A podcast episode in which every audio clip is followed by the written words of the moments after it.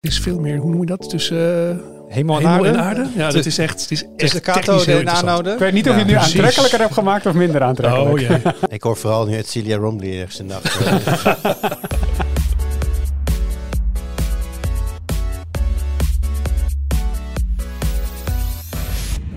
Hoi, leuk dat je luistert. Welkom bij een nieuwe aflevering van de Tweakers Podcast. Mijn naam is Wout en vandaag zit ik in de podcast met Jeroen Horlings. Hallo. Met Arnaud Wokke. Hoi. En mensen terug van weg geweest. Jurja Nuwacht. Hallo, staat hij aan? Ben ik er? Ja, ja, Oh, ik ja, hoor mezelf. Ja, nee, we zijn je, er weer. weet je nog hoe dit werkt? Ja, ja, ja. Dit- ja de- dat de is microfoon? Globaal. Ja, wacht. Oh, deze moet even iets meer naar mij toe. Dan moet je in babbelen. Ja? Ik weet niet, de mensen die op YouTube kijken hebben Jur heel snel zijn koptelefoon zien opzetten toen jij begon. Ja, nee, het was ook eh, eh, een heel klein dingetje.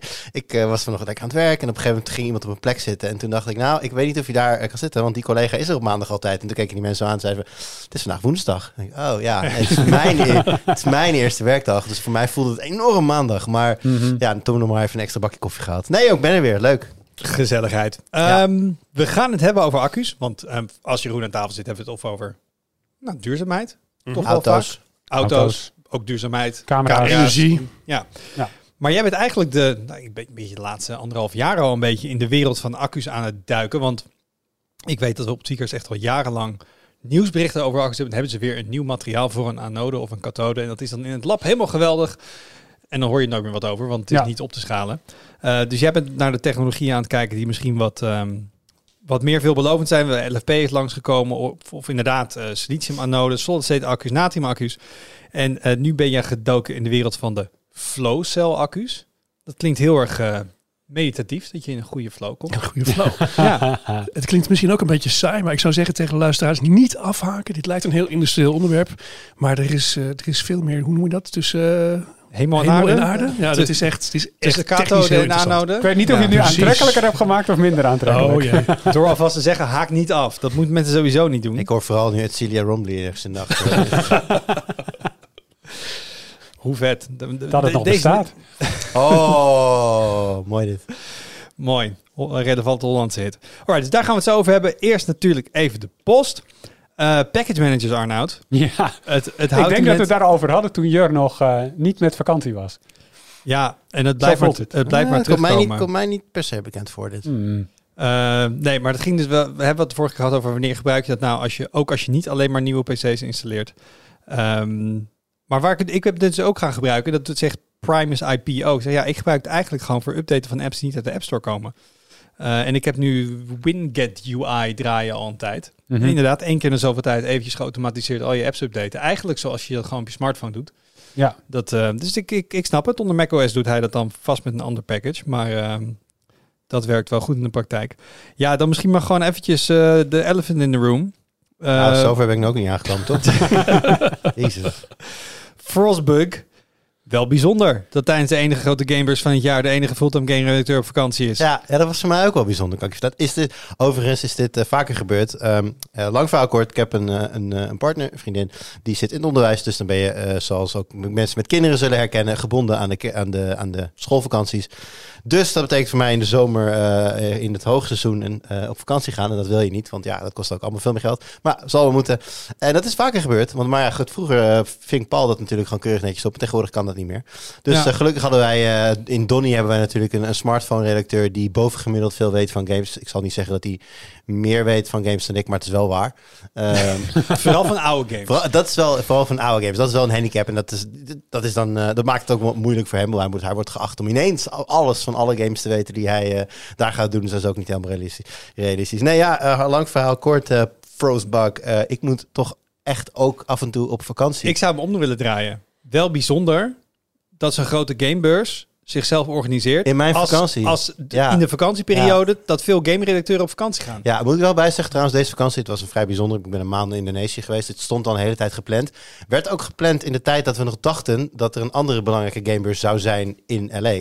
En als ik die doe, dan is over het algemeen Gamescom daarna niet zo heel waardevol meer. Ja. Ja. Eh, E3 werd uiteraard eh, geschrapt en eh, Gamescom eh, ging wel door. Dus nou ja, goed. Als je alles van tevoren weet, had ik het misschien anders gedaan.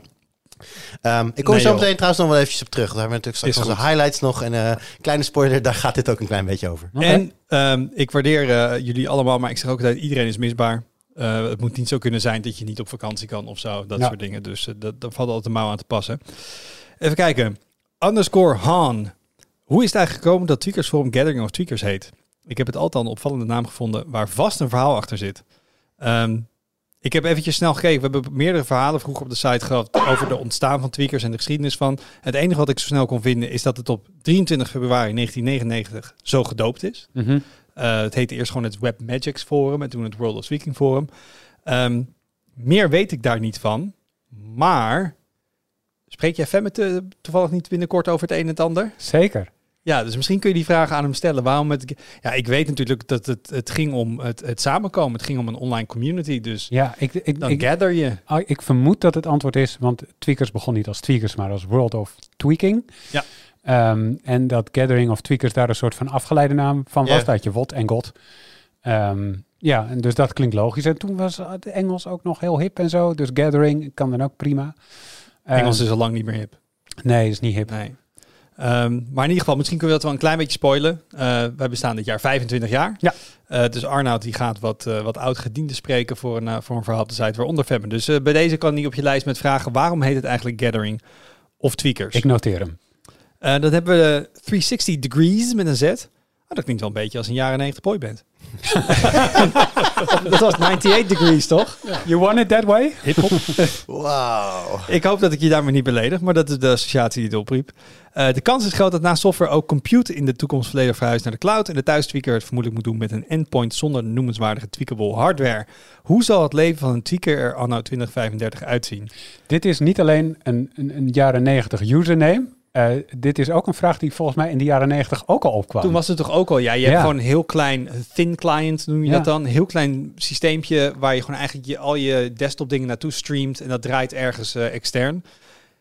Is het niet echt geworden sindsdien? Nope. Nou moet ik wel zeggen dat alles rondom streaming, zeg maar game streaming en, en andere soorten streaming, niet van video, maar interactief, dat het wel een heel stuk beter is tegenwoordig. Ik Ja. weet dat Microsoft hier ook echt wel op inzet. Je kan tegenwoordig gewoon je Windows-installatie eh, vanuit de Windows Cloud naar je thuis toe streamen. Dus er zit denk ik iets meer momentum achter dan in de jaren 90. Ja, Maar ik denk gewoon dat heel veel mensen het helemaal niet willen. tot nu toe geen recept voor succes gebleken in elk geval. Dus eh, Nee. Je, je kan het niet willen, maar het kan op een gegeven moment ook wel gewoon de standaard worden. Wat je bijvoorbeeld ook merkt bij games, is dat games ontwikkelen voor heel veel verschillende soorten hardwareconfiguraties is gewoon heel erg lastig. En op het moment dat je de hardware aan de ene kant zet en je laat gebruikers gewoon lekker nou, whatever beeldschermpje gebruiken, is dat voor gameontwikkeling aan zich wel een stuk makkelijker. Dus Zeker. ik, ik bedoel, ik ga niet zeggen van, oh, je hebt helemaal gelijk, het gaat er in 2035 raar uitzien en we hebben geen hardware meer, meer thuis. Nee, dat is denk ik te kort door de bocht. Maar dat de, de, ik denk niet dat dit, dat dit een, een, doodslaand golfje is. Ik denk dat dit, deze golf is wel here to stay, wat raar is, want elke golf, nou goed, slechte, slechte analogie. Maar eh, je hebt nee, heel veel aan het strand gelegen de laatste ja, maand, of niet? Ja, ja, en in golfjes gedoken. Nou goed. Ehm, nee, ik denk dat, dat, dat streaming zeker eh, blijft en belangrijker en belangrijker wordt. Ook omdat wat je ziet is de dingen die slagen, zijn de dingen die ons verder helpen in gemak. En dat is wat streaming absoluut doet. Als jij niet meer hoeft na te denken over, goh, moet ik nou een PlayStation kopen of een Xbox kopen? Of ben ik al toe aan een nieuwe videokaart? Als dat niet meer uitmaakt, als jij gewoon een hoogwaardig scherm hebt staan en de bijbehorende hoogwaardige internetconnectie hebt en je hebt aan de andere kant servers met de hardware die daar staat en dat werkt gewoon goed genoeg. Waarom zou je dan nog hardware... Hè, tuurlijk, wij zijn tweakers, wij willen die hardware hebben. En dat zal voor de hardcore gamer voorlopig gelden. Maar als jij me nu vertelt van... joh, in 2035 hebben we voor iets als gaming en, het, het, en, en content te bekijken... hebben we helemaal geen lokale hardware meer staan. Het gaat, wordt allemaal Nou, maar ik- bij- Geloof ik je wel, hoor. Bij gaming geloof ik hem ook wel. Maar als je gewoon puur naar desktop gebruik kijkt, dat betekent dus wel dat jouw ehm, hele desktop in de cloud rijdt. Dat je altijd een internetverbinding nodig hebt om gewoon bij je computer te komen. Dat jij, als jij in een vliegtuig zit, Je hebt toch altijd een internetverbinding in je zak? Ja, maar ik zeg bijvoorbeeld, stel je zit ergens op eh 10.000 kilometer. eh, Je kan eh, toch, maar ik werk ook op 10.000 kilometer nu gewoon in, in Google Docs. jullie En werken op 10.000 kilometer überhaupt. Ja, Hoogte 10.000 nemen we meter. aan. 10.000 meter, ja, ja, ja, ja. Sorry, 10.000 kilometer zou ook wel uitdagend zijn. Nee, maar dan, dan gaat hij offline. Zodra je dan weer connect, update hij alles klaar.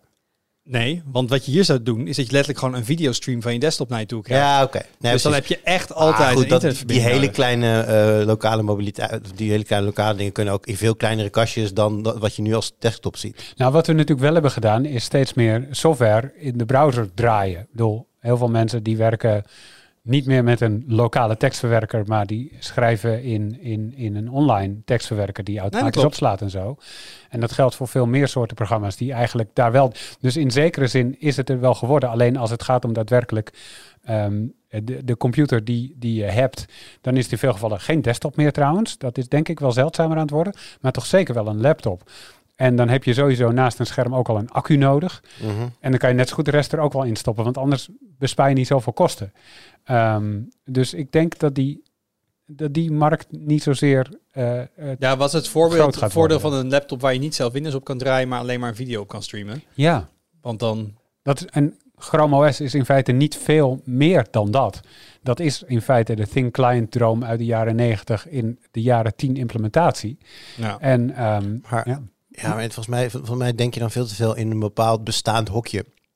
Stel dat ik gewoon een soort van bril op mijn hoofd kan zetten met een pass-through mode, waardoor ik een keyboard voor me op tafel heb liggen, waardoor ik zo kan tikken en de tekst gewoon floatend voor mijn ogen verschijnt, bewijs van. Hè, en dat is ook weer een hokje, want dan moet je, denk, je, denk je alweer in bril. ja. Maar ik denk gewoon dat de manier waarop je on- onderweg kunt werken, en dat is niet eens per se met streaming, maar ik denk dat dat gewoon kan veranderen. Ja. Gaat veranderen. En ja, streaming speelt daar een rol in. Je zult lokaal in principe weinig meer hoeven draaien, maar maar Ja. de vraag, als we even terug gaan naar de vraag. Hoe zal het leven van een tweaker de Anno 2035 uitzien? Die heeft gewoon nog zijn eigen hardware.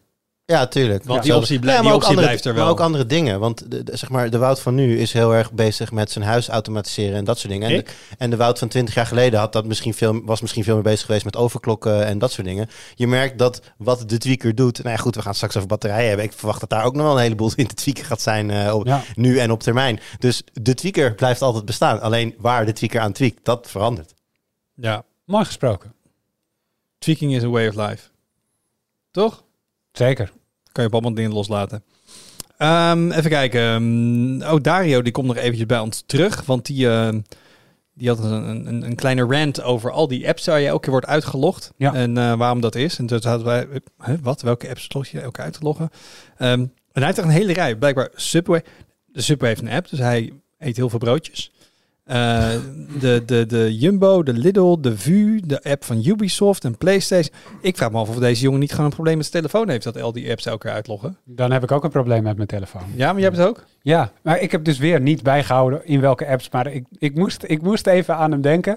Die twee keer dat ik weer opnieuw heb ingelogd afgelopen week. En ik dacht van, ja, hij had wel gelijk. Dus dit is een ding, het gebeurt. Ehm, maar het is niet echt een dagelijkse terugkerend iets. Het is gewoon iets wat af en toe terugkeert. En dan denk ik, ah, wat vervelend. Ik vind het wel mooi hoe jij hem meteen profilt op basis van zijn apps. Zo zien ze Dario dus een broodjes etende, boodschappen doende, films kijkende gamer. Maar hij let wel op sport beneden, want hij shop bij de Lidl. Ja, maar ook bij de Jumbo. Dat ook. Ja. Maar Lidl voor de, hij houdt van goede groenten, want die winnen ze altijd die prijs. Be the Lidl. Ja. Ehm, even kijken. Eh, we hebben nog ook de laatste tijd natuurlijk veel gehad over Reddit. Eh, en Ben de Groot, die was zelfs echt favoriet, eh, of in ieder geval fervent redditor, moderator van een paar kleine subreddits. Ehm, en die is echt naar aanleiding van al zegt hij, ik ben gewoon helemaal over op de Fediverse en terug bij ouderwetse forums. Nou, nou hebben wij toevallig een gathering of tweakers. Ehm, dus dat komt, dat komt mooi uit. Eh, Facebook en Twitter opgezegd. En hij zegt, ik denk dat de Fediverse echt de toekomst is. Kleinere instances, gedecentraliseerd, meer menselijk, maar wel met elkaar verbonden. Ja. Dat, is, dat is letterlijk een forum. Hij omschrijft letterlijk tweakers. Ja. Ja. Het is kleiner, het is niet over de hele wereld. Het is gedecentraliseerd, het is menselijk. Nou, er zitten toch echt Is het gedecentraliseerd? Nee, Nee, dat niet. We hebben gewoon, we hebben gewoon servers. Maar nou, als je, als je een forum ziet als het ding wat, eh, wat wij zijn of wat wij hebben, dan is het wel ons forum. Net zoals dat je Ja, in maar de het is- Fediverse ook je dat is niet wat hij bedoelt met gedecentraliseerd, Nee. denk ik. Hier, zit- hier zit Big Tech achter, hier zit Big Tweaker zit hier Ja. achter. Ja. Big Femme. dat is een rapname, toch? Niet te boeken voor optredens. Ah, lekker. Goed dat je terug bent hier. Ehm, ja, ik, ik weet het niet met die Fediverse. Ik heb nog steeds ehm, Lemmy geïnstalleerd staan. Mhm. ehm, als Reddit alternatief. Ik open het niet. Net zoals min dat ik Mastodon open. Je hebt, jij Of- betaalt voor Reddit, dus jij zit nu weer vast nee, ik ga Reddit. betalen voor Reddit. Oh, je gaat het doen. Maar eh, of die ene Instagram clone open ik ook niet. Zit jij wel eens op de Fediverse?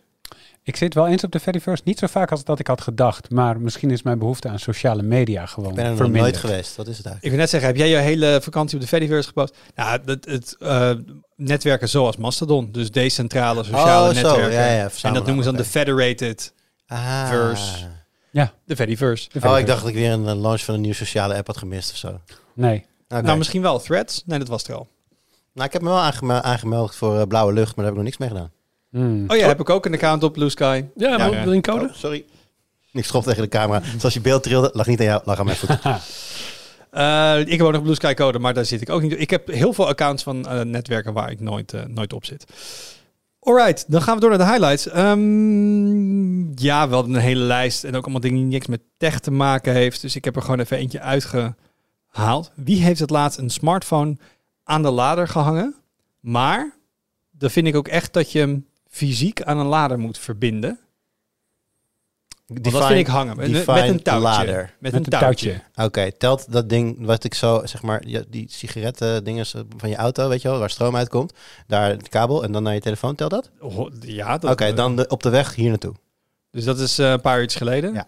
Arnaud? Op de weg hier naartoe, maar voor mij is dat korter geleden. Dat is ja, korter geleden. En Jeroen? Dat is lang geleden, tenminste een week of twee geleden. En toen had ik mijn telefoon die ik als hotspot gebruikte vergeten uit te zetten. En toen was die leeg. En toen moest hij heel snel opladen. Hmm. En En voor de rest doe je alles draadloos? Ja. Ah, nice. Ja, ik, ik, daarom vond ik het wel een geinige vraag. Ik heb ook thuis meerdere draadloze laders in mijn auto. Een draadloze lader en dus echt een USB-kabel in mijn telefoon inpluggen. Ik denk dat ik dat al meer dan een maand niet gedaan heb, denk ik. Jammer dat de smartphone staat, want ik heb net nog een PlayStation controller aan de lader gehangen. Ja, dat staat er wel. Dus eh, nee, ik, ben, ik doe heel weinig touwtjes nog. Dat is echt wat, wat Jeroen zei. Als ik even snel moet laden, als ik denk van oké, ik heb vannacht vergeten, hij moet bijladen, dan, eh, dan wel. Ehm, maar mijn eh, horloge laat nu draadloos, mijn telefoon laat draadloos, mijn oortjes laden draadloos. Ik, ik doe vrij weinig nog met USB-stekkertjes eigenlijk. Dus waar goed dat Hmm. over USB-kabels nu verplicht worden voor de EU. Ja. Ja, dus dan kunnen ze hierna draadloos eh, laden verplicht maken. Dat gaan ze niet doen, denk ik. Even nou, kijken. Arnoud. Nou, ja, Arnoud. dit is denk ik voor het eerst dat een wie heeft het laatst vraag bij mij belandt als, zeg maar, als degene die als eerste mag. Dus Ik neem aan dat iemand het gaat het bevestigen of ontkennen volgende week in de reacties. ik markeer het momentje even. Ehm, ja, ik wou het hebben even over, over eh, Nederlands trots in de, in de smartphone-markt. Eh, en uh, Jurs favoriete smartphone-merk toevallig. Nou, ik heb hem toevallig op vakantie eh, als multimedia telefoon gebruikt, want hij heeft een groter scherm dan mijn iPhone. Dus Ah ja. De Fairphone. Multimedia, mooi. multimedia Dat is een jaren negentig term. Ja, ja, ja. ja. Ik voel een thema van deze podcast aankomen. Ehm, maar eh, de Fairphone eh 5, die, eh, die is aangekondigd. Eh, als je dit luistert, gisterochtend of middag. Het was rond de middag. Wat fijn is aan een Nederlandse fabrikant. Ze, ze, normale een tijden goede, tijdzone. Ehm, ehm, maar en daar waren een aantal opvallende dingen aan. Ehm, ten eerste eh, heel lange support. Wat is heel lang? nou, toen de Fairphone 2 uitkwam in 2015, zeiden ze: we gaan dit vijf jaar ondersteunen. Was toen echt waanzinnig lang, had geen enkele andere telefoon. Nu is vijf jaar. Klopt dat trouwens? Best Want we normaal. zijn nu vijf jaar verder. Hebben ze dat ook gedaan? met Ja, de ja, twee? en nog iets langer zelfs. Oké, Ja, cool. Dus dat hebben ze ruim gehaald. Ja, ik- Niet maandelijks, maar wel, er bleven updates komen. En daar bleven ze aan werken, ondanks dat Qualcomm die hele sok niet meer ondersteunen. Want dat was echt het grote probleem bij die telefoon. Dus daar hebben ze omheen moeten werken, wat super ingewikkeld is. Ehm, eh, en op Qualcomm kom ik zo trouwens ook nog even terug, want dat is interessant. Maar support. Eh, en nu iedereen dus vijf jaar doet, springen zij daar weer dik overheen met acht jaar. Dus dit ding krijgt acht jaar updates en ze zeggen, dat garanderen we. Maar als het even kan, als het even lukt, tien jaar. En dat is dus tot 2031 of 2033. Maar dan kom ik toch wel eventjes op mijn opmerking van vorige week terug. Ja, ja, ja, ja. ja. Wie gebruikt er een acht jaar oude telefoon nog? Hoeveel Nou, mensen... de reden dat je dat niet doet, is dat hij niet voldoende wordt eh, ondersteund, dus niet veilig genoeg is. En dat die eh, ingehaald, Is- is- wordt door de is- nee, maar ingehaald wordt door de realiteit. Dus dat apps in die jaren zwaarder zijn geworden, OS'en worden zwaarder, waardoor je telefoon te langzaam wordt. Wat, Fair, wat, wat Fairphone hiermee eigenlijk zegt, is dat zij, zij zeggen eigenlijk, wij hebben vertrouwen in dat als je deze telefoon koopt, dat je de, de- dat je de apps die er over 6, 7, 8 jaar zijn en de OS'en die erbij horen, eh, dat je die gewoon kunt draaien op deze telefoon zonder dat het een onbruikbare telefoon wordt. En ik denk dat ze daar wel gelijk in hebben. Ik denk dat, dat, dat zeg maar, hoe, hoe, hoe dingen nu, als je nu kijkt, ook kijkt wat er allemaal bij komt in OS, dat is heel veel dingen, eh, heel veel nieuwe features worden niet per se meer op de telefoon zelf gedaan. Ze zijn allemaal hebben AI dat dat dan in een cloud wordt gedaan, dat soort dingetjes. Dus ik geloof wel in de stelling dat de hardware die nu ontwikkeld wordt, zes nu uitkomt, dat die langer eh, relevant blijft dan dezelfde type hardware in hetzelfde segment van vijf jaar geleden. Dat ben ik met je eens, maar ik vind acht jaar in de toekomst kijken op dit vlak wel redelijk onmogelijk. Dus ik vind het goed dat ze het doen hoor, maar ik durf niet te zeggen dat het over acht jaar nog een Ja, toestel is waar je lekker mee aan de voet, eh, met de voeten kunt. Ja, het, het is koffiedik kijken, maar het is natuurlijk wel een mooie claim om. Ik weet natuurlijk niet dat het ding gaat kosten, maar ik gok dat die Weet duurder wordt, want dit is een hele heer, dit is een heerlijke 700 claim. euro. Precies, dit is een heerlijke claim om neer te leggen als je je telefoon duurder wil maken. Want dan zeg je van, ja, Ja. want dan zeg je van, ja, hij gaat acht jaar mee op zijn minst. Dus mag je ook wel wat duurder zijn, want hey, hij gaat acht jaar mee. Ik snap Ja. het wel. Maar ik denk ook een andere doelgroep. Hè? Want wij zijn tweakers. Dus voor ons is dit misschien hè, acht jaar is wel heel erg lang. Er zijn Maar ook onze ouders tweakers met een Fairphone. Ja, nee, nee. Ja. Dus Ver- Fairphone zeker, maar acht jaar bedoel ik. Ja. Eh, als je ons naar onze ouders kijkt, eh, die lopen wel met oudere telefoons rond. En die hebben niet per se zoiets van, oh, die telefoon, die moet ik echt En hebben. het is ook zeg maar het effect wat in heel veel families speelt, dat dan iemand een nieuwe telefoon koopt, de volgende doorgeeft aan een kind, die er daarna weer twee, drie jaar mee doet.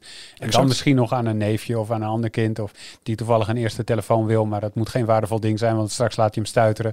Dus dat mag best zes jaar oud zijn. En dat zijn nu heel vaak telefoons geweest die al lang geen support meer hadden en dus Ja. niet zo heel veilig waren. Mhm. En nu kan dit wel. En het is ook belangrijk, denk ik, voor de tweedehandsmarkt. Want als jij over vier, vijf jaar deze telefoon zou kopen, behalve dan dat hij een stuk goedkoper is, er zijn nog onderdelen te koop. Want ze hebben weer iets van eh, 15 reserveonderdelen, waaronder de camera, een USB-poort en de accu en een scherm. Kan je allemaal kopen. Ehm, dus je kan alles eraan vervangen wat stuk zou zijn. En je hebt dus nog jaren ondersteuning met software-updates. Dus dat maakt hem op de tweedehandsmarkt ook automatisch aantrekkelijker. En voor mensen die gewoon niet zoveel eisend zijn, die geen zware apps willen draaien, weinig vragen van de camera, al die nieuwe snufjes niet hoeven, maar gewoon willen whatsappen, dan kan dit over vijf jaar ook nog een, steeds een prima telefoon zijn. Geven ze ook garantie ehm, op het feit dat die onderdelen nog te krijgen zijn? Want dat hebben ze niet helemaal in eigen hand natuurlijk. Als zij nu een camerasensor inkopen bij Sony Ja. en zij willen over zeven jaar zeggen we willen weer een batch aan reservesensors van je hebben voor de reparatie. Op een gegeven moment zegt Sony, dit ding maken we niet meer. Ja, ik heb geen idee hoe ze dat precies doen. Dat is wel een goede vraag, eh, denk ik, om te stellen. Eh, ik denk dat ze op basis van de verkopen een, een, een bepaald percentage aan reserveonderdelen inkopen en die op voorraad leggen. Dat lijkt me het meest logisch. Dat lijkt me logisch. Maar op een gegeven moment, mijn punt is met software updates zijn zij zelf Ja. eh, bepalend. Kunnen ze zeggen, dit gaan we zo Ja. lang doen. Maar met eh reserveonderdelen Ja. ben je afhankelijk van externe leveranciers. Klopt. Klopt, en dat zouden hele kleine eh batches zijn die ze dan zouden moeten laten maken. Aan de andere kant, tegen die tijd is het wel oude technologie, dus misschien dat het weer makkelijker gaat. Ik weet niet welke afspraken ze hebben. Maar ik wilde nog even naar een Is het een ander- boeiende telefoon verder? Het is ehm, eh, qua duurzaamheid een heel boeiende telefoon. Als je zegt van kan dit op tegen de rest van de telefoons van 700 euro, dan zal het antwoord ongetwijfeld weer ongeveer nee zijn. Maar ehm, de sok die erin zit, dat is een aparte keuze en dat is voor het eerst. En voor het eerst ook dat ik een telefoon tegenkom die dit heeft. Dat is de Qualcomm QCM 6490. En ik zag het staan in de specsheet en ik dacht, dat is een foutje, dat is vast de Snapdragon 7 Gen 1 of 8 Gen 1 of weet ik, maar dat, dat is dan het type nummer. Maar dat is het niet. Dit is een sok voor industriële toepassingen. Slim. En dat is heel slim, want het ondersteunt heel veel besturingssystemen. En er zit hele lange ondersteuning Ja. vanuit Qualcomm. En dus kunnen ze daar veel langer mee doen. Ik denk ook dat een reden is dat die duurder is, want dit zal ook geen goedkoop onderdeel zijn. Qua prestaties zit hij volgens mij tussen de 7 Gen 1 en de 8 Gen 1 in. Als, ik, eh, als ik het zo een beetje goed heb bekeken. Ehm, maar ik vond dat een slimme en, en, en, en heel doordachte keuze eigenlijk. Ja, En zo zie je toch want dat zakelijk zijn er veel langere ontwikkeld. supportperiodes inderdaad. Ja.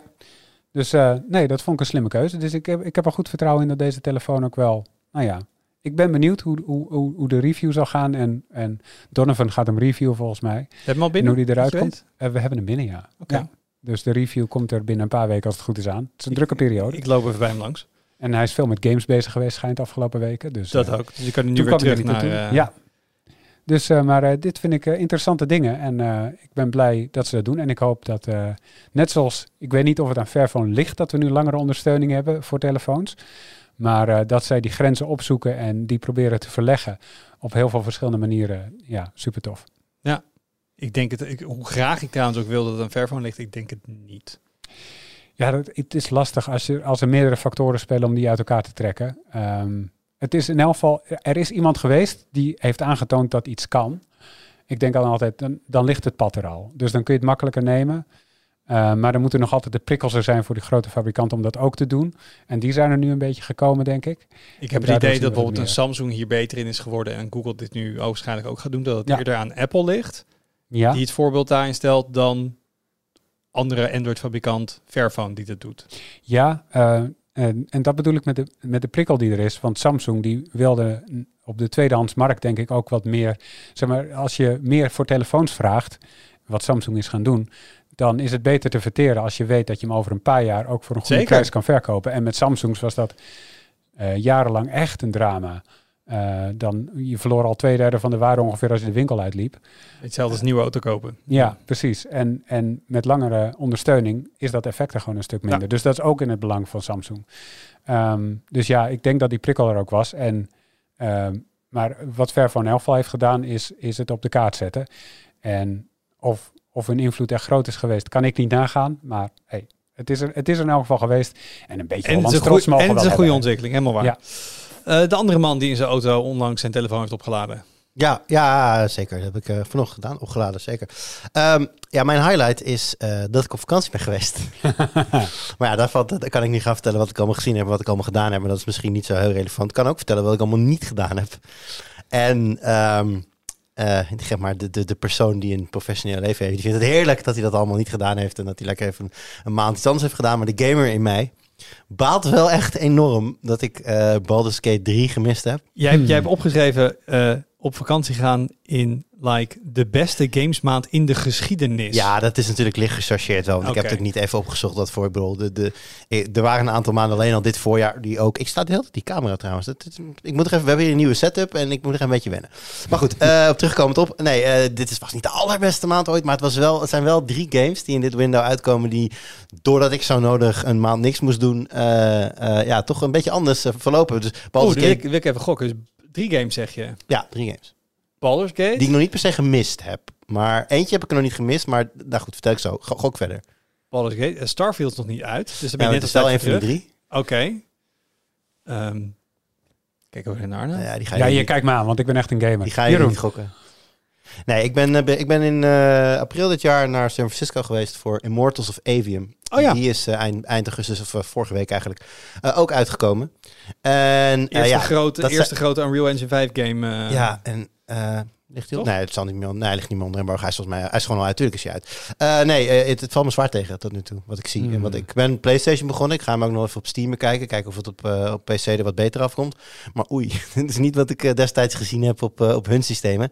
Maar goed, dat maakt voor nu eventjes niet uit. Het is gewoon. Ja, het is gewoon je kunt niet meer veilig als gamer op vakantie gaan en dan denk ik, ik ga niks missen, want er, is, er, komt heel veel uit. Dan moet ik wel zeggen, Baldur's Gate 3, ik heb ook een beetje wat reviews en wat reacties van mensen gelezen en dat kwam toch wel een klein beetje als verrassing dat hij zo goed was. Zelfs een aantal verstokte uh, Zelda-liefhebbers die in principe Tears of the Kingdom al hadden opgeschreven voor Game of the Year, zijn daarop teruggekomen en die hebben gezegd van het, het wordt heel spannend en uh, voor heel veel mensen is het, uh, is het dus Baldur's Gate 3 op dit moment. Ja, dan is het wel jammer dat wij dan die, die, niet, die niet kunnen brengen. Ja, en Starfield is een lastige, want uh, Bethesda dacht, wat gaan wij doen? Wij gaan al die media heel vroeg codes geven en dan kunnen ze mooi op het review embargo een, uh, een reviews plaatsen. Maar dat was wel een eis. En als je die eis niet kan inwilligen, dan, dan krijg je geen, of als je niet aan die eis kunt voldoen, dan krijg je geen key. Dus wij hebben uh, Starfield niet en die zullen wij pas op release krijgen, denk ik. Waar de rest van de wereld, uh, nou ja, we publiceren dit volgens mij op donderdag. En als ik het goed heb gelezen, dan is vandaag ook het, het review embargo. Ik weet niet of daar een tijd aan zit, maar wij doen niet mee aan dat embargo verder. Dus dan komen de reviews. Maar niet bij ons. Dus dat is, in, uh... in, principe, wij respecteren embargo's, maar we gaan niet afspraken maken met beloftes over wanneer we publiceren. Nou ja, nog los daarvan, dit kon niet. Want uh, ik kwam letterlijk, ik ben vandaag voor het eerst aan het nee, werk. Nee, maar ik dus- bedoel, nog, nog los daarvan. Ik bedoel, het is wel vaker zeggen, oké, als je het dan krijgt, kun je dan verzekeren dat jullie dan iets online zetten. Ja, ik, gewoon nee.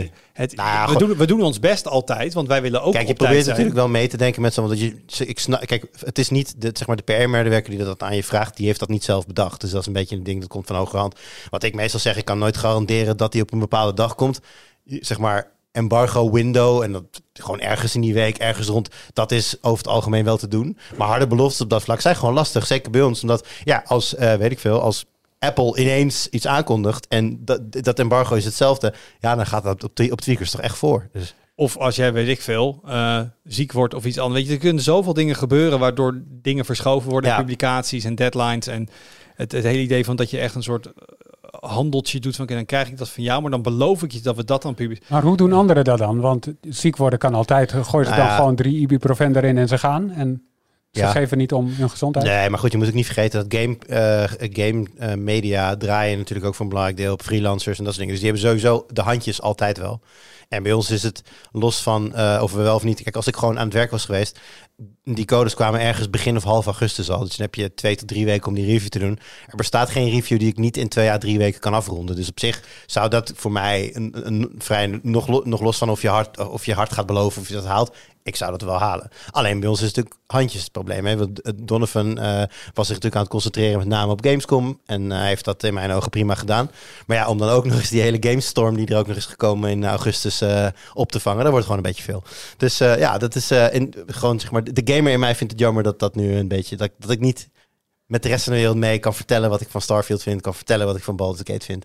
Terwijl het wel games zijn die, ik, die goed bij mij passen. Ook gewoon aan eh, in wat ik zelf als gamer leuk vind. Dus ja, nou, het wordt heel veel gamen voor mij in ieder geval de komende tijd. Dat kan ik je wel vertellen. Maar hoe heb je dat dan beleefd? Want dan zie je dat, dit wist je niet per se van tevoren. Dan zie je dat zeg maar, zich ontvouwen terwijl je op vakantie bent. Ben je dan enorm aan het balen of Ja, zo? Of? jawel. Ja, zelfs liggend op mijn strandbedje met mijn voeten in het zwembad. Met een, met een, eh, met een mojito in mijn handen. Intens Denk- medelijden met denk je? ik dan bij mezelf van, verdorie, dit had ik toch best wel graag willen spelen. ja. maar ja, dan bestel je gewoon nog een mojito en dan is het weer over. Ja, vergeet je dat snel. Ja, ik.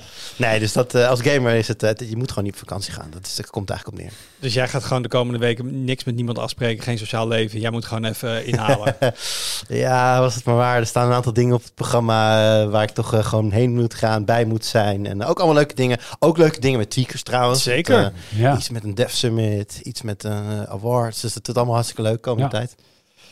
ja, misschien moet je gewoon wat minder gaan slapen. Gewoon prioriteit. ja, dat is het medicijn, Wout. Ja, dat je is, moet dat gewoon ergens, goed doen. Je moet ergens je gameuurtje in gaan stoppen. Jetlag to the rescue. dat is wel waar, inderdaad. Eh, Jeroen, Ja, eh, even een Elon Musk alert, want eh, daar gaat het indirect over. Ik ben ge- gestopt met het volgen van hem op Twitter, want ik, de, de, de, Want dat doe je nu op X. Dat doe ik nu op X, inderdaad. Ik weiger het zo te noemen, eerlijk gezegd, maar oké. Terecht. Eh, want het, het werd steeds meer, de kwaliteit nam een beetje af. Sorry, ik ben een beetje schor, ik krijg dat niet helemaal weg. Ehm, maar op dat X, inderdaad, afgelopen vrijdag Amerikaanse tijd, voor mij dit weekend, eh, ging die livestreamen. En hij ging livestreamen met eh, een nieuwe versie van Autopilot. En even voor de, voor de helderheid, hier in Europa hebben wij al jarenlang grofweg dezelfde Autopilot. En die, die werd vooral in het begin redelijk uitgebreid. Het is nu redelijk, ja, bijna stilstaand en hier en daar zelfs achteruitgaand. Daar hebben we het eerder over gehad in deze podcast. Ehm, in Amerika hebben ze een beta van een ja, systeem waarvan zij claimen, al wat jaartjes trouwens, dat het ding ook echt volledig autonoom kan rijden. Dus op de snelweg, maar ook in de stad. Dat mag blijkbaar daar wel, dat mag blijkbaar hier niet. Dat is het verschil. Dus een aantal mensen die dus die functionaliteit gekocht hebben, die die software eh, die aangesloten zijn bij de beta, die hebben dat al maanden zijn ze dat aan het testen. En dat werkt eh, goed, ja, indrukwekkend als je die video's ziet, want die staan op YouTube. Ehm, maar niet foutloos. Dus je had nog steeds situaties waarbij het gewoon niet werkt. En dat is een beetje het punt met autonoom rijden. We willen naar een situatie waarbij het zo goed als foutloos is. En dat je niet toch twee keer per rit moet ingrijpen. Want dat is, de hele nut gaat dan een beetje weg. Ehm, nou, het probleem met Autopilot daar was, zoals bij alle andere, hè, de Waymo's zien we dat natuurlijk ook. Ehm, die momenten dat je op een heel druk kruispunt komt en eh, je, jij wil rechtdoor of linksaf, er staat recht voor je iemand, links en rechts rijden auto's met hele hoge snelheid voorbij, dan moet je heel snel anticiperen. Dat is voor een mens al lastig, voor een machine, die is vaak nog wat ja, gericht op veiligheid. Logisch, want je wilt niet in de statistieken komen met ongelukken.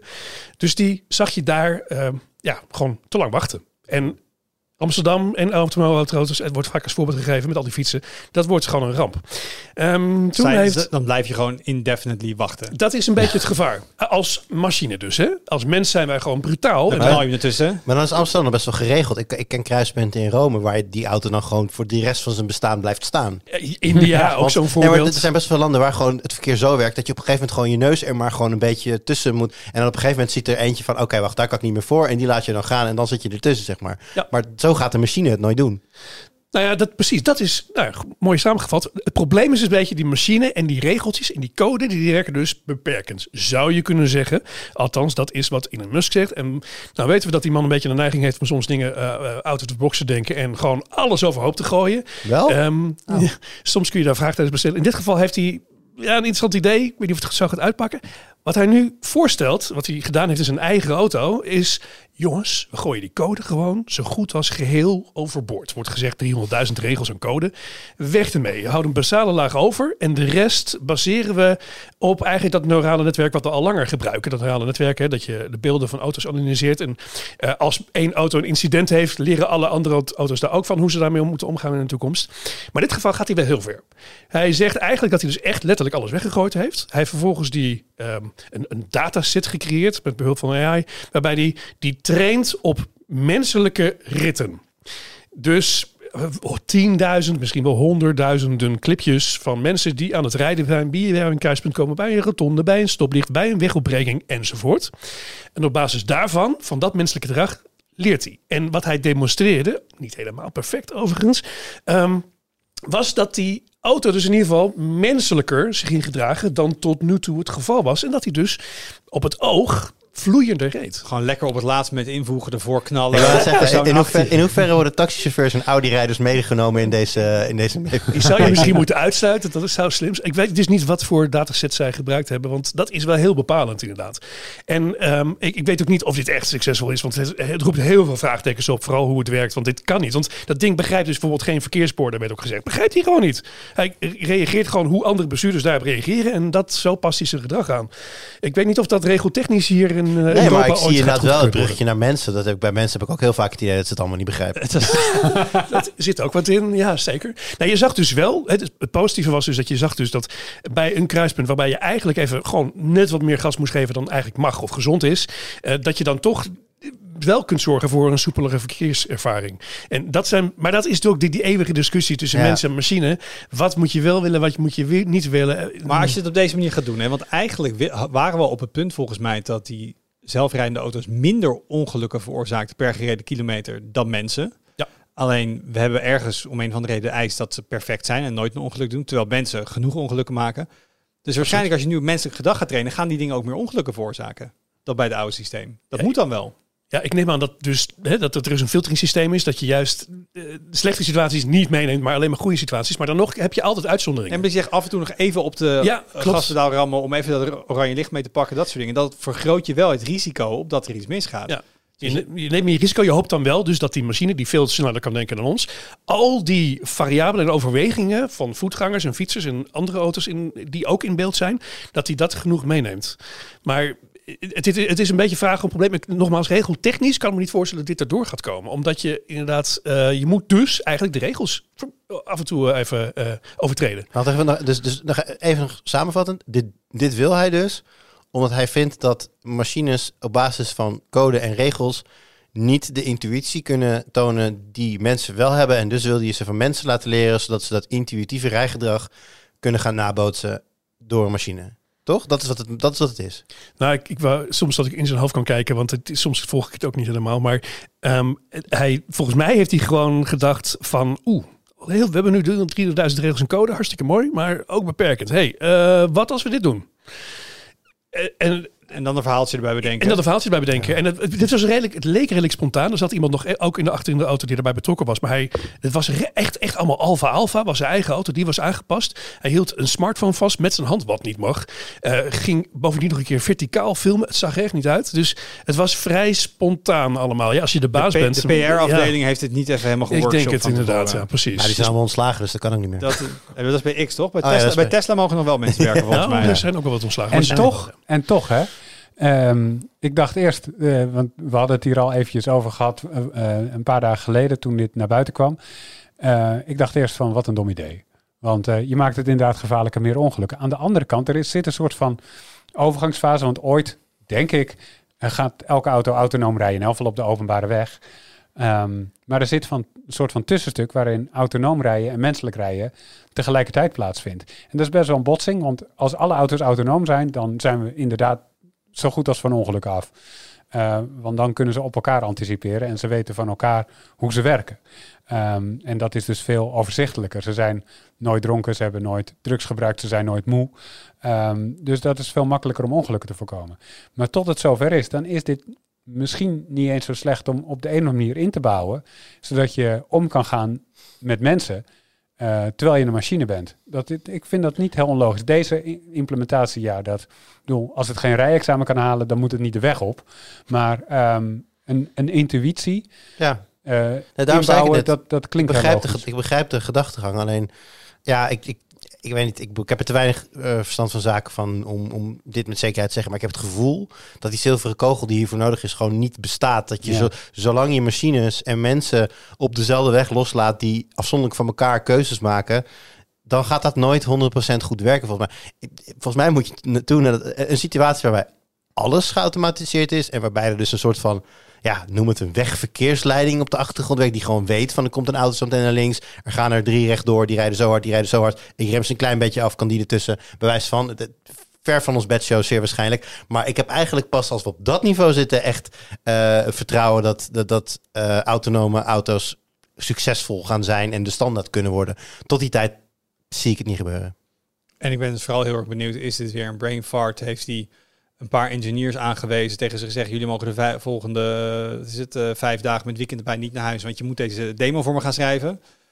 Of is het echt een effort van, oké, we gaan stoppen met het huidige platform van eh, full self-driving en we gaan dit anders aanpakken en heeft een heel engineering team wat ermee eens is. En dat weet je bij hem nooit. Exact. Precies. Ja. De gedachte van out of the box denk ik is heel interessant. Maar ja, dan, dan hoe de praktijk en vervolg, daar ben ik heel benieuwd naar. Ja. Nooit een saai moment met Omi Elon. Nee. Dat toch weer wel. Eh, ik ben echt extreem late to the party. Dat ga ik van tevoren even zeggen. Dus ik ga heel enthousiast worden over iets en denk, mensen serieus? Dat heb ik echt Je al hebt jaren. Eindelijk de Last of Us gespeeld. Die heb ik echt al vorig jaar gespeeld. Oh ja, oh ja vorig jaar sorry. Ik heb een robotstofzuiger. En Oh, het is, Kan die autonoom rijden? het is, ja, het is geweldig. Want ik kwam er eigenlijk achter dat het een Tesla met een stofzuiger is. Mhm. Ehm, want hij heeft LiDAR. Hij heeft ultrasonensensors, als ik het er wel heb. Hij heeft een camera aan boord. Ehm, dus alle dingen eigenlijk die een zelfrijdende auto ook heeft. En hij autonoom rijdt door mijn huis. Ehm, en botst die? nee, want dit is dus zo'n slimme die dus niet alleen maar gewoon dom overal tegenaan rijdt totdat hij denkt auw en dan weer omdraait. Nee, hij gaat juist tot heel dicht aan het randje en dan stopt hij. Ja, nee, ik heb wel zo'n debieltje die gewoon eh, na jarenlang nog steeds tegen alle stoelpoten en weet ik het wat allemaal. Precies. Kloing, kloing. Nee, Ja. deze is dus. ehm, eh, het, is een, het is een voor mensen. Het is een Roborock S7. Ehm, en hij is dus behoorlijk slim. Ik was een beetje verbaasd over ehm, hoe ik me gedroeg toen dat ding voor de eerste keer ging rijden. Ik, we lieten hem eh, gaan in de, in de woonkamer. Ik zat met mijn vrouw op de bank. En toen waren we een soort aan het volgen, alsof het een huisdier was wat we net mee naar huis hadden genomen. en toen zeiden we, oh, kijk wat hij gaat doen, kijk wat hij gaat doen. Oh, hij gaat de keuken in, hij gaat de keuken in. Nee, nee, nee, nee, daar mag je niet tegenaan. Oh nee, hij stopt. Nou, ga naar links. Ga naar... Alsof we gewoon een soort puppy aan het observeren waren. En op een gegeven moment reed hij dan onder de bank waar we op zaten. Oh, hij zit eronder, hij zit eronder. Aan welke kant komt hij eruit? En op, we waren hem zo aan het volgen door de ruimte. Op een gegeven moment kijken we op die app. Ik zeg, schat, hij is al 24 minuten aan het stofzuigen. Weet je dat we al 24 minuten naar een stofzuigerrobot aan het kijken zijn met z'n Mhm. tweeën hier? En toen kwam ik erachter dat die camera's die erin zitten aan de voorkant, die kan ik via de app gewoon opvragen als een live feed, first person. Dus toen gingen we op de first person view meekijken. En elke keer als hij onder de bank ging of ergens anders, konden we dus... En denk je, nee, is het donker? Maar nee, want hij heeft een koplamp. Dus dan komt hij onder de bank. Dan komt hij onder de bank, dan gaat de koplamp aan. En dan kun je dus via de first person view, dan kan ik kiezen tussen eh, normaal of HD beeld. Dan zet ik hem natuurlijk op HD. En dan kunnen we dus meekijken met wat de robotstofzuiger ziet. Ja, we hebben hem ook al een naam gegeven. Het is gewoon echt, het is het, maar de, de nieuwe huisgenoot is Ah, die dit. voor mij het Chloe. Die voor jou? Eh, wat hadden we nou bedacht? Eh, Roxy. Roxy. Roborock. Of nou, de Ro- Robo Roxy. Roboroxy. Trouwens, een- het zou een mooi videoformat zijn als, eh, als we gewoon Wout een gadget geven die hij nog nooit heeft gehad. En dan kijken wat er gebeurt. Oh, dat ja, filmen, ja. Ik oh, ik dacht, dat- het videoformat, ik dacht dat we de dingen als camera gingen gebruiken. Oh, dat je nee, alles nee, nee. vanaf 10 centimeter hoogte ziet. Kan ook als je dat wil. ja, dus we hebben ehm, echt als de bielen op de bank gezeten, naar onze telefoons gestaard. Van, oh, hij gaat die kant op, kijk wat hij doet, kijk wat hij doet. En ehm, ik was hier eigenlijk veel te giddy over. Maar andere mensen zullen dit waarschijnlijk Ja. al heel erg lang doen. Er zijn mensen die op die manier racen met drones. En jij eh, kijkt mee Ja, met de ik- stofzuiger. Ja. Waarom zijn er trouwens geen stofzuigerrobot races? ik kan namelijk ook gewoon de, de joystick mode aanzetten. Dan kan ik me gewoon remote controller met die first person view. Dan kun je er ook nog wapens op zetten. En dan zetten we ze in een ring. En dan dit kan gewoon de basis zijn voor een battlebot. Ja. Dit is echt... Nou ja. Hmm. Dus hij is vannacht voor het eerst rondgereden. Gezegd, nou, ga de hele kamer maar mappen. Jij de Eh, hele nacht niet geslapen, op de bank gezeten? Nee, de andere verdieping. Ehm, en ik heb nu ook op mijn telefoon dus een hele mooie 3D-gescande kaart van nu is alles in kaart gebracht. Nu weet hij alles. Hij weet waar de Maar oké, ik, ben- ik, dit is echt, het is maar een robotstofzuiger, I know. Maar hij herkent dus ook wat dus vorm op de grond. Dat is vooral bedoeld als je bijvoorbeeld een kat hebt, dat misschien een kat net buiten de kattenbak gepoept heeft, dat die dat niet gaat verspreiden over de hele kamer. Dus dan kan hij met die camera object recognition doen. Maar op een gegeven moment ging hij onder het tv-meubel, waar echt een kabelbrei ligt. En dan ergens in de kabelbrei verstopt een eh, stekkerdoos. En die herkende die als stekkerdoos. Dus ik, op mijn kaart staat nu ook waar de kabels liggen, waar die dan vaak komt. En waar de stekkerdozen liggen en zo. Nice. Ik was best wel gewoon impressed. Ik heb die markt niet echt gevolgd tot, tot nu. Maar het is dus een soort Tesla. Maar dan veegt hij mijn vloer. En tot nu toe heb je nog geen vuilmelding gekregen? Nee, gek nee. dat is dus cool. zo- Zo'n Tesla is het dus niet. Ja, ik, ik, ik, ik heb, eh, dit klinkt als een behoorlijk geavanceerd. Ik heb er dus gewoon zo'n standaard iRobot ooit gehad, jaren geleden. Ik heb hem weer verkocht, met, met een reden. Namelijk, ik kreeg eh, regelmatig eh, meldingen als... ja, ik ben in een afgrond gereden. Wat ik vrij knap vond, want ik heb helemaal geen kelder.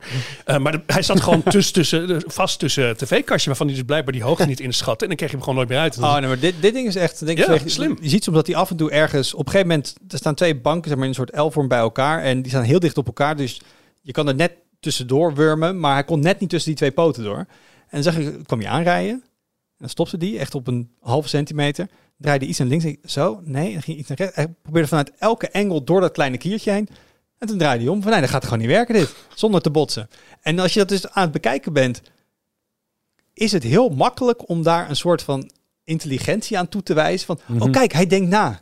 Oh kijk, hij probeert dit en zo. Terwijl het natuurlijk gewoon, dit is tien keer simpeler dan dat hele spul van Elon waar hij mee bezig is. Ja. Ehm, maar toch waren we dat aan het doen alsof het ons nieuwe huisdier is. Heb je al dingen teruggevonden? Want hij komt natuurlijk overal waar je, waar je, waar je zelf niet komt. Dat je denkt van, hé hey schat, weet je waar ik daar zie liggen? Dat cremmetje wat je laatst kwijt was. Nee, op zich zijn we best wel goed met opruimen. Het is vooral gewoon stof. Maar toen die, dan rijdt hij terug naar zijn dok. En dat dok heeft dan zeg maar een hele grote stofzak.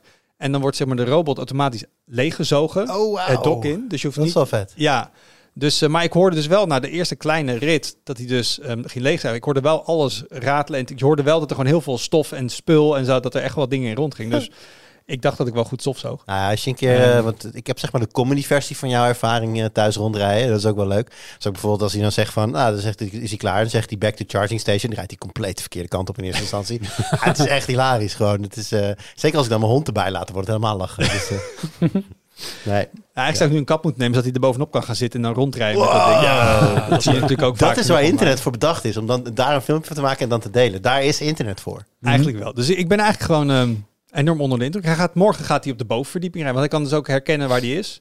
Dus dan kan je hem ook gewoon in, in op een tweede verdieping zetten. En dan herkent hij ook als het goed is waar de trapgat zit. Dus hij rijdt dan niet de afgrond in, maar dan stopt hij. Ja. Dus dan gaan we achterkomen of hij daar inderdaad Ja, echt... je, je eh, klinkt echt als een hele trotse ouder. Ja. Ja, hij is zo slim al. Hij kan zoveel dingen. Ja, die van, jou, maar die van jou is de slimste van de wereld. Ja, en echt, ja, nee, maar echt. Hij is, iedereen is boven gemiddeld, maar deze is echt boven gemiddeld. dus, ehm, nou ja, ik ben er echt, ehm, ik ben er blijer mee dan dat ik eigenlijk zou moeten zijn. Daar Maar- komt het op neer. Zit er een flowcell accu in?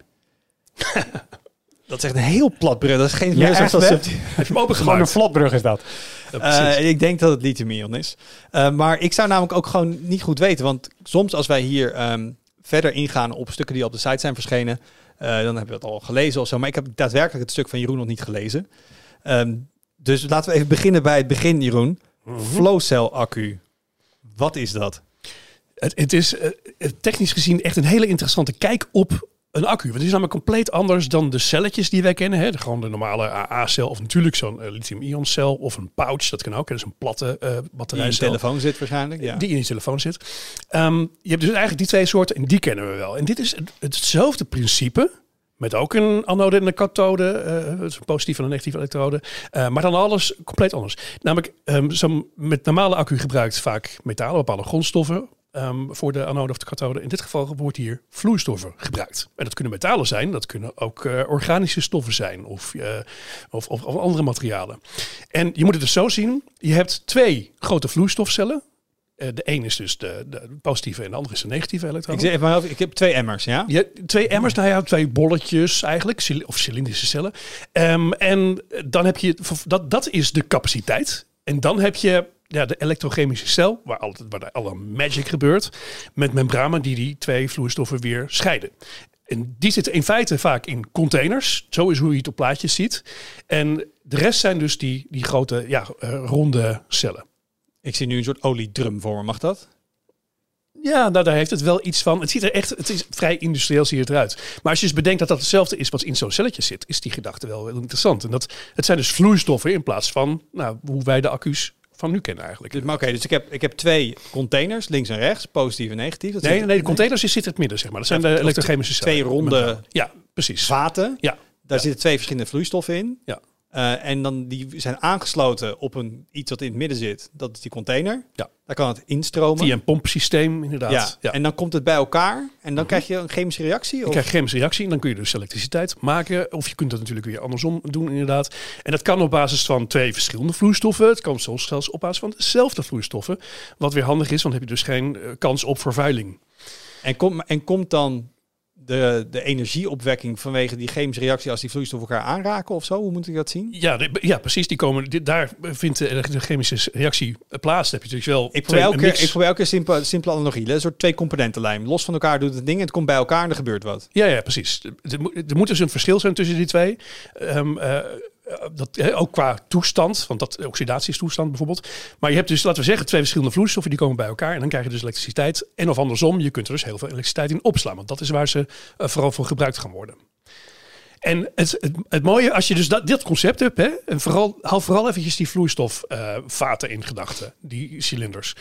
Die kun je dus heel makkelijk schalen. Je kunt ze groter maken. Je kunt er meer achter elkaar zetten in een serie schakelen.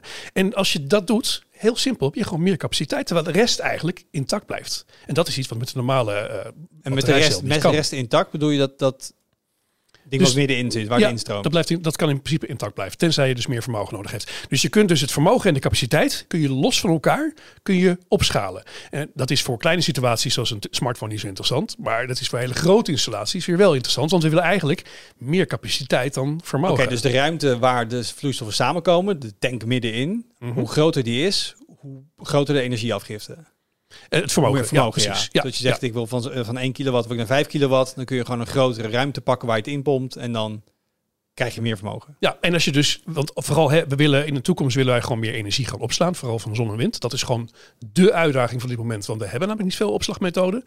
Eh, dan is dit dus een hele belangrijke, juist omdat dus die opslagtanks zo ontzettend goed schaalbaar zijn. Je kunt ze groter maken, je kunt ze achter elkaar zetten en dan neem je dus, neemt die capaciteit dus gi- gigantisch veel toe. Maar hoe ingewikkeld zijn die? Is dat letterlijk gewoon een vat waar je vloeistof in pompt that's it? Ja, eigenlijk, je hebt dus een miljoen variaties uiteraard, maar heel simpel gezegd komt het daar wel op neer. Dus in principe heb je het over vloeistoffen in at- atmosferische omstandigheden. Het kan ook anders, maar dat is wel wat momenteel gangbaar is. Zul je even vertalen? Vloeistof in Nou ja, atmosferische je kunt omstandigheden? een van de, een van, je hebt dus heel veel componenten. Je kunt ook waterstof gebruiken. Dat wordt nu onder atmosferische omstandigheden in zo'n tank gebruikt. Dat is één van die twee componenten. Je kunt het ook, en daar wordt nu aan gewerkt, eh, onder druk opslaan. Zoals we dat ook kennen van, van auto's en vrachtwagens en van andere industriële molen. Dan, dan, dan gaat de energiecapaciteit gaat dus omhoog. Op dit moment is dat in de praktijk meestal nog niet aan de hand. Dus Het atmosferisch bedoel je dus onder druk. nee, onder, niet onder druk juist. Gewoon onder normale omstandigheden zoals het hier één gewend bar. zijn. Precies, Ja, dus geen moeilijke compressoren, dat soort dingen allemaal. Gewoon vloeistoffen zijn eigenlijk heel makkelijk. Veel makkelijker dan hele andere vormen van energieopslag. En dat is het, voor- het is dus een relatief simpel systeem, zou je kunnen zeggen. En elke keer als wij het over accu's hebben, dan gaat het over ja, en we hebben kobalt nodig, en we hebben nikkel nodig, en we hebben dit nodig, en dat, al die, die, die zeldzame grondstoffen. Wat voor vloeistoffen hebben we over en hoe makkelijk zijn die verkrijgbaar? Ja, dat, dat is dus het mooie. Het zijn er legio. Dat, voor, accu's geldt dat al. Hè. Er zijn heel veel variaties, hebben we dus al besproken. Voor vloeistoffen zijn er nog veel en veel en veel en veel meer. Eh, de meest gebruikte flowcell, die denk ik de meeste tweakers ook wel ergens kennen, rings is vanadium. Dat, dat is wat de meeste flowcell accu's die operationeel zijn, en dat zijn er al redelijk wat. Eh, wereldwijd wordt het best wel veel gebruikt. Dat zijn vanadium flowcell accu's. En vanadium is weer een metaal wat gewonnen wordt bij, eh ijzererts, bij ijzerertswinning en dergelijke. Vloeibaar metaal hebben we het over. Nee, het is een, het is een metaalonderdeel. Het, het- voor mij hoef je dat... Ja, dat is een goede vraag. Scheikundig hoe dat zit, weet ik niet precies. Maar vanadium wordt in ieder geval... Dat is een restmateriaal wat bij ijzerertswinning gebruikt wordt. En dat wordt gebruikt in een vloeistofvorm inderdaad in die tanks. Dat is momenteel de meest gebruikte Ik soort. zeg even zeg maar zo'n Terminator scène voor met vloeibaar, een bad met vloeibaar metaal, maar dat is het niet. Nee, dat zou zou er wel mooi uitzien. Maar ehm, vanadium is dus het meest gebruikt. Maar dat is ook meteen het meest problematisch aan alle varianten die er zijn. Want dat komt uit een beperkt aantal landen. Zuid-Afrika, Rusland en China. En die laatste twee, daar hebben we nogal problemen mee qua handel. Dus ehm, hoewel dat momenteel de meest gangbare vorm is, die ook echt zich al bewezen heeft. Het is een bewezen concept, het werkt. Ehm, dus daar wordt al in geïnvesteerd. Ze zijn al operationeel is dit met het oog op de toekomst, als je enorm wil opschalen, wat, wat problematischer. Want vanadium is dus een grondstof die niet onbeperkt is. En het komt uit een ja, vooral beperkt aantal landen. Dus die, die, landen die ik noemde hebben rond 80, 85 procent van de wereld eh, voorraad in handen. Hoe, hoe zit het met de dichtheid? zeg maar, hoe, hoeveel ruimte neemt het in beslag? En als je dus inderdaad enorm wil gaan schalen, wat voor hoeveel vierkante meter heb je hiervoor nodig? Ja, dat is dus het punt. De energiedichtheid is lager. Eh, als je het hebt over een elektrochemische cel, gewoon de beste die we nu hebben in, in elektrische auto's, is het 250 eh, eh, wattuur per kilogram. En dit is zo'n 20 tot 70. Aanzienlijk minder. Veel minder. Veel minder. En dat wordt, daarom is dat nu ook niet van de grond gekomen. Van welke use heb je hiervoor? Hè, En voor mobiele toepassingen is het gewoon niet interessant. Want je hebt een enorme installatie die je op je achterkarretje moet meesjouwen. Dus dat gaat niet gebeuren. Dus we hebben het, we hebben het niet, we hebben het niet over smartphones, we hebben het niet over laptops, we hebben het niet over auto's zelfs. Nee. We hebben het hier over industriële schaal opslag van energie. We hebben het hier over wijkaccu's, Bijvoorbeeld. Ja, precies. thuisaccu's. De, ook. Ja, precies. Dat, zou qua grootte nog wel kunnen als je een schuur hebt ergens. De- Het, het, het punt is dus, ehm, als je bijvoorbeeld een thuisaccu, het kan. En het wordt zelfs toegepast. Ze bestaan zelfs al op kleine schaal. Het punt is wel, ze nemen meer ruimte in beslag vanwege de lage energiedichtheid dan de- de andere thuisaccu's die we hebben op basis van ja, LFP of NMC-cellen. In een industrievorm is dat minder een probleem. Daar is die ruimte meestal. Daar is die ruimte voor tanks. Sterker nog, die tanks die staan er al. Olie en gas en aardgas en eh, dat- NLG. Die worden al massaal gebruikt daar. Dus daar is al die ruimte. eh, helemaal over een paar jaar. Want dan gaan we die olie niet meer gebruiken. Dan gaan we dus richting bijvoorbeeld dit. En dus dan is die energiecapaciteit minder een probleem.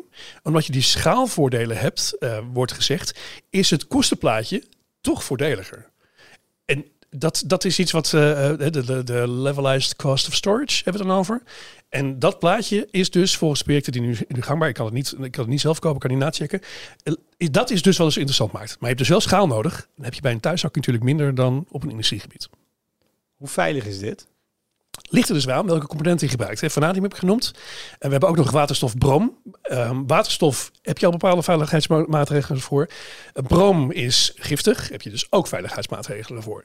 Het verschilt dus per type flowcel die je gebruikt. En er zijn dus echt ontzettend veel variaties mogelijk. Eh, eh, iedere scheikundige die wordt hier echt opgewonden van volgens mij.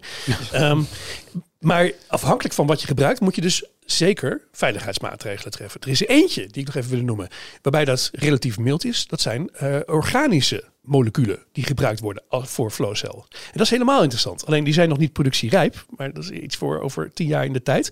Maar dan hebben we dus organische, eh, Organische vloeistoffen. ja, organische Dus dan ga ik moleculen. in plaats van de bloedbank ga ik gewoon zelf thuis tappen. Ja. Nou ja, die, die moet je natuurlijk wel maken. Maar daarvoor heb je dus geen metalen of andere eh, grondstoffen nodig. En eh, dat is dat, is dat um, eh, nee, ja, dus, die zijn relatief eh, eenvoudig te maken en te produceren. Maar vooral dus ehm, ja, vereisen veel minder Maar grondstoffen. ik bedoel het vooral vanuit het perspectief, kijk, dat bepaalde stoffen dat je niet op je huid wil hebben, oké, dan moet zo'n ding goed geïsoleerd zijn. Maar waar je met de huidige lithium-ion accu's veel over hoort, is natuurlijk als het in de brand vliegt, Ja. eh, dan heb je een probleem. Ik heb toevallig gisteren nog eh, een pakketje binnengekregen met een laadzak voor de fietsaccu van mijn vrouw. Want als we die binnen in huis opladen, doen we die eerst in een laadzak. Die doet helemaal dicht, die kan tot 2000 graden aan. Dus als die accu ontvlamt gewoon midden in je huis, dan fikt je huis niet af, zeg maar. Ja. En eh, wij, wij hebben bij de VVE heel veel gesprekken over elektrische auto's in de garage. Want hoe zit het nou als hij in de fik vliegt? Niet te, branden, eh, niet te blussen. Hoe zit dat met zo'n heel zo'n flowcell ding? Als, als daar iets stuk gaat of ontbrandt, of kan je dat wel blussen? Ja, dat ligt dus eh, aan die materialen. Eh, sommige Alles zijn- ligt aan de materialen. Alles ligt aan de materialen. Maar over het algemeen zijn ze veiliger dan de cellen die we nu hebben. En alleen al omdat die celletjes zijn allemaal individueel verpakt. En als die heel veel hitte hebben en eentje gaat er te warm worden, gaat de rest automatisch mee. Omdat dit dus vloeistoftanks zijn, ja, die kun je, daar kun je natuurlijk veel makkelijker bij als dat nodig is. Is dat in die zin een veel simpeler concept. En iets als broom moet je dus echt wel wat veiligheidsmaatregelen voor, voor toepassen. Dat kost geld. Eh, allerlei systemen die bij calamitatie, calamiteiten kunnen ingrijpen. Maar over het algemeen zijn ze dus veiliger dan de lithium-ion cellen die we gebruiken. En niet alleen dat, ook de levensduur is nog een keer een stuk langer. En Qua aantal keer veel. laden en ontladen. Ja, en dat is dus interessant. Hè? Wij zijn gewend, tenminste, als we erover schrijven, dat we het over cycli hebben. Want zo werken die lithium-ion accu's. Die zijn beperkt qua cycli. Het houdt ooit een keer op. In dit geval heb je, kun je ook over cycli spreken. Maar eigenlijk is dat niet de mate waarin ze verou- verouderen. Ze verouderen eigenlijk gewoon niet per cyclus. Dat is ook wat het zo zeer interessant maakt. Ehm, ze verouderen met tijd. Dus verouderingsleeftijd. En dat betekent dat die dingen, die is problematisch. eh, eh, De garantie is zeker 20 jaar voor zo'n concept. En dat Oh. is relatief lang. En ja, langer is ook niet ondenkbaar. Want die cyclus, dat laden en ontladen, dat is dus niet eh, een kenmerk Het van veroudering. niet. Het slijt manier, niet. door gebruik. Ja. Nee, precies. En je zegt nu heel vaak op vragen die ik stel, ja, ligt eraan, want er zijn heel veel opties. Aan de ene kant klinkt dat alsof er heel veel open ligt nog voor ons. Aan de andere kant dat er gewoon heel veel uitgezocht moet worden. Want uiteindelijk wil je denk ik toch wel een aantal varianten verder gaan ontwikkelen met een bepaald aantal stoffen. En niet elke keer dat er inderdaad 38 versies van dit soort accu's bestaan. Dat elke keer als je een ding wil aanschaffen als bedrijf of implementatie, ook welke van de 38 accu's willen we hebben? Of is dat juist wel handig om te hebben? Ik denk wel dat er voor al die verschillende typen verschillende use cases zijn. Zoals we het eigenlijk nu ook hebben met reguliere accu's. Hè. De ene is LFP, de andere is NMC. En weer een andere is een- is een- zo'n zo'n celletje, zeg maar. Maar Ehm, zijn ze in de praktijk, ge- geeft het een ander effect? Zoals jij het vertelt, heb ik het idee, je kan die accu met heel veel stoffen maken, je krijgt elke keer hetzelfde eindresultaat. Of is een broom-waterstofaccu, levert die meer vermogen dan als je andere twee stoffen zou gebruiken? Zit daar verschil in? Ja, daar zitten, daar zitten zeker verschillen. Maar het is allemaal in die bandbreedte van, laten we zeggen, 20 tot 70 eh, wattuur per kilogram eh, ongeveer wat ze opleveren. Ehm, maar eh, dus het, hangt heel erg van, af van die, van die. We gaan dus waarschijnlijk verschillende dingen naast elkaar zien. Zoals bij, dat geldt voor alles, hè, net zoals we soorten benzine hebben. Ehm, maar het, het is wel denkbaar dat als we tien jaar verder zijn, dat er dan daarvan twee of drie echte winnaars uitkomen die gewoon grootschalig gebruikt gaan worden. En dat de rest toch om bepaalde praktische redenen wat minder ingezet gaan worden. En die wedstrijd is nog niet helemaal duidelijk. hè, Want vanadium heeft gewoon hele goede papieren. Maar ja, ik zei al, die grondstoffen. Ja. Dus dat het punt is, hoe goed ook, dan gaan ze, dan Ja, gaan maar dat ze is, toch, niet en dat is toch elke keer ons accuprobleem? We komen elke keer op grondstof uit. Dus ik, ik, elke keer praten wij weer over een alternatief. En denk, oké, als we daadwerkelijk iets kunnen gebruiken.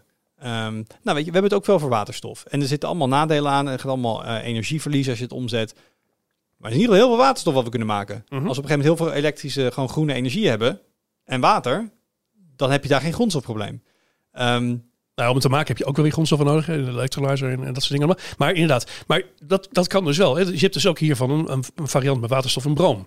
Waterstof, nou, dat is in principe on, overvloedig aanwezig als we dat gaan maken. Even los van kosten. Eh, broom is eigenlijk ook overvloedig aanwezig. Dat is geen metaal. Ehm, dus dat, die variant heb je. En je hebt dus die organische varianten, waarbij dat helemaal geen probleem is. Zij het dat die nog tijd hebben om eh, door te ontwikkelen in de praktijk. je, je zei al eventjes, dit wordt nu al gebruikt. Waar?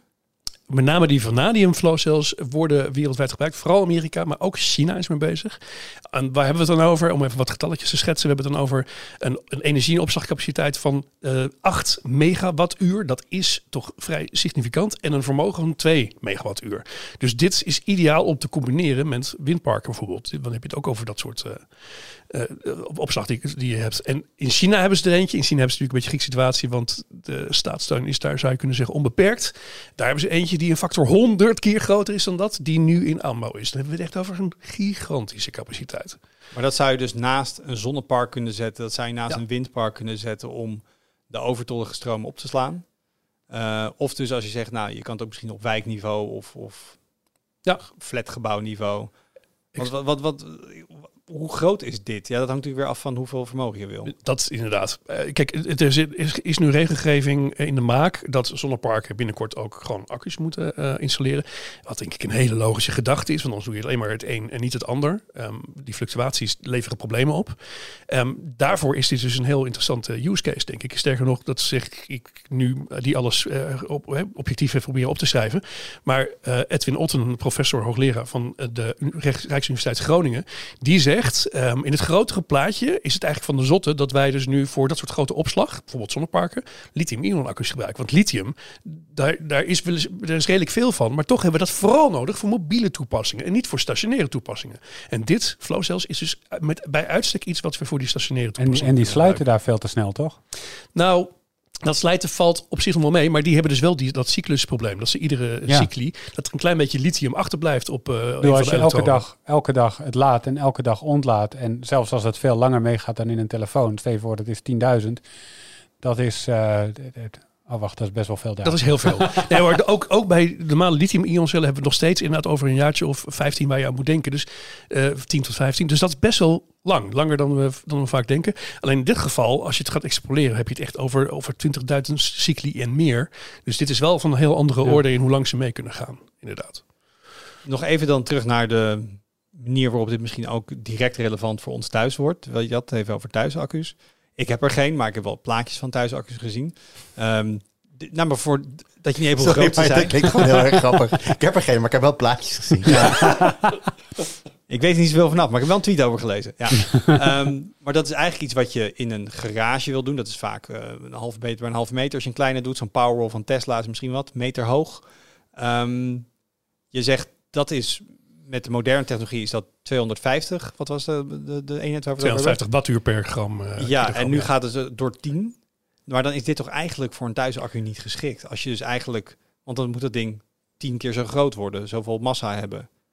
En dan moet je gewoon je hele garage ermee volbouwen. En niet door 10, hè? het is 70. Laat het ze- 250 gedeeld door 70 is. Nou, ja, Die factor, ja, drie 20 of tot vier. 7. In, in, het, in het beste geval zit je dan op precies. eh ja. 3 tot 4. Maar dan heb je echt een, een, een flinke, Ja. flinke jongen. Heb je. Ja, dat, is, eh, en dat blijft bij alle thuisaccu's een beetje het dingetje hoeveel energie we je opslaan.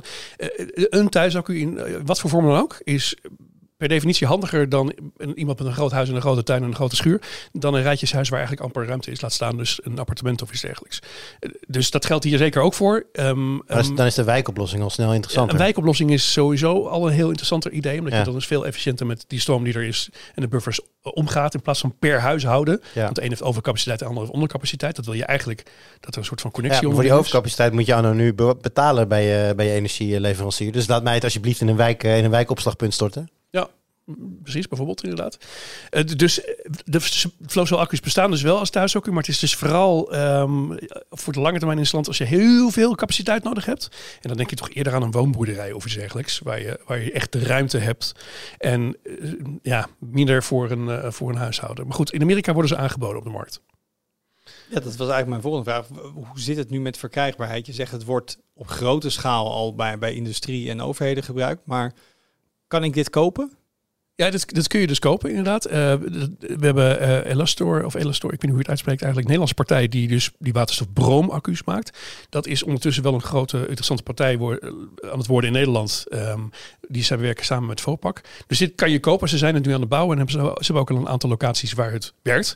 Het punt is alleen, het moet worden opgeschaald naar echt enorme hoeveelheden. En het punt is ook een beetje, die behoefte hadden wij tien jaar geleden helemaal niet om, om zoveel energie op te slaan. Nee. Die behoefte ligt eigenlijk in het nu en vooral in de toekomst, in de komende decennia. Dus dat, als je dat erbij koppelt, is de verwachting dat dit dus eh, een enorme vlucht zou kunnen gaan nemen. Omdat het een beetje tussen lithium-ion accu's en bijvoorbeeld iets als waterstof in zit. Dit is voor opslag eh, of voor relatief korte, CQ lange termijn, namelijk een aantal dagen, uh, hooguit weken.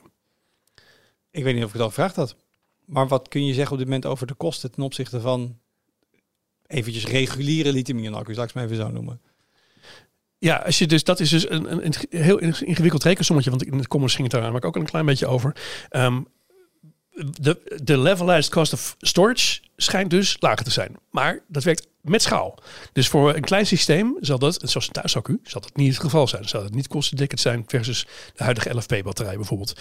Heb je het over enorme schaal, uh, en, en, een hele lange tijd, 20 jaar of meer, ja, dan is het kostenplaatje natuurlijk weer wat veel positiever voor zo'n cell accu.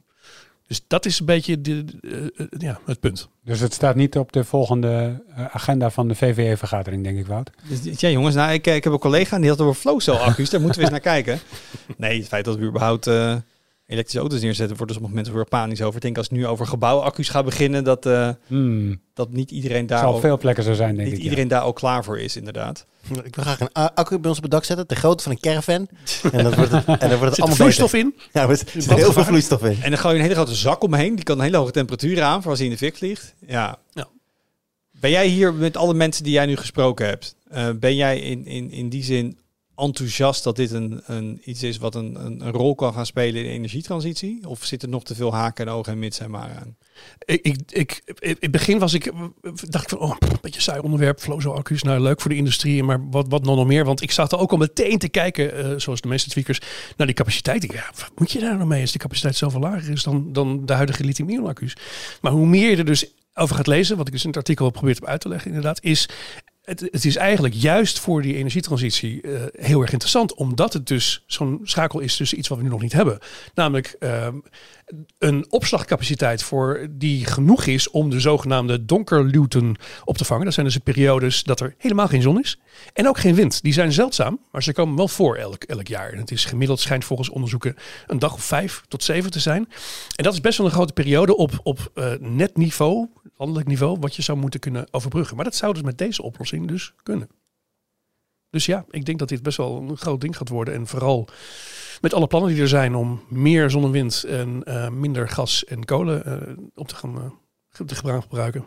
Ja, maar niet voor ons thuis in ieder geval. Minder voor ons thuis. Ja. Of je moet inderdaad echt een heel groot huis hebben. Ja. Waar het allemaal in past.